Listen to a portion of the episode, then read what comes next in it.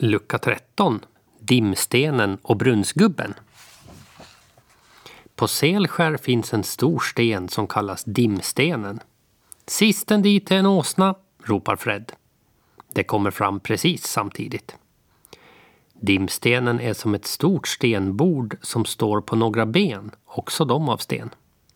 Ovanpå bordet ligger en rund bumling, stor som en fotboll. Frida tar stenen och börjar rulla. Snart uppstår ett dovt mullrande som hörs lång väg. Det borde ha kört med dimstenen när bussora gick på grund, tycker Frida, och Fred håller med. Sisten till brunnen åsna, ropar Frida. Också denna springtävling slutar oavgjort. Vem vågar stoppa huvudet längst ner? Det är Fred som vill se vad Frida vågar. Om det är något som de vuxna brukar varna för så är det brunnsgubben. Tvillingarna förstår nu när de blivit så stora som nio år att det inte bor en gubbe i brunnen. Men att det är en farlig plats, det förstår de. Nej, stäng locket, ryter Frida. Fred lyder inte.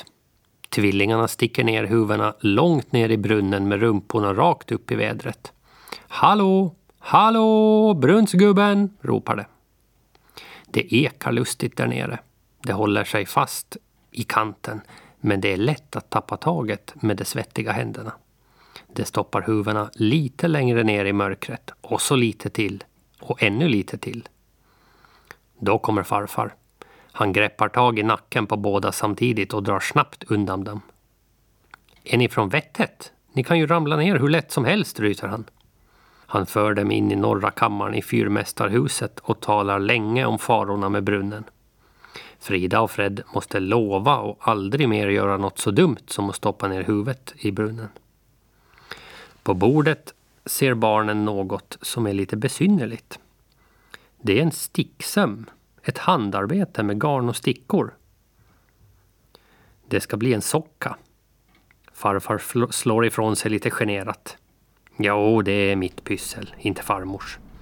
Jag började sticka när jag var fyrvaktare och måste hålla mig vaken om nätterna. På den tiden skulle kvinnor och män göra olika saker. Flickor och pojkar lärdes skilda sysslor och det spelade inte så stor roll vad man själv tyckte bäst om. Att sticka var en typisk sak för kvinnor, ett kvinnfolksgöra. Men farfar hade prövat på det och tyckte det var roligt. Han höll det som en hemlighet för det var så ovanligt och kanske lite pinsamt. Det var ju inget kargöra. Men att rädda ungar från brunnsgubben, det är riktigt kargöra det.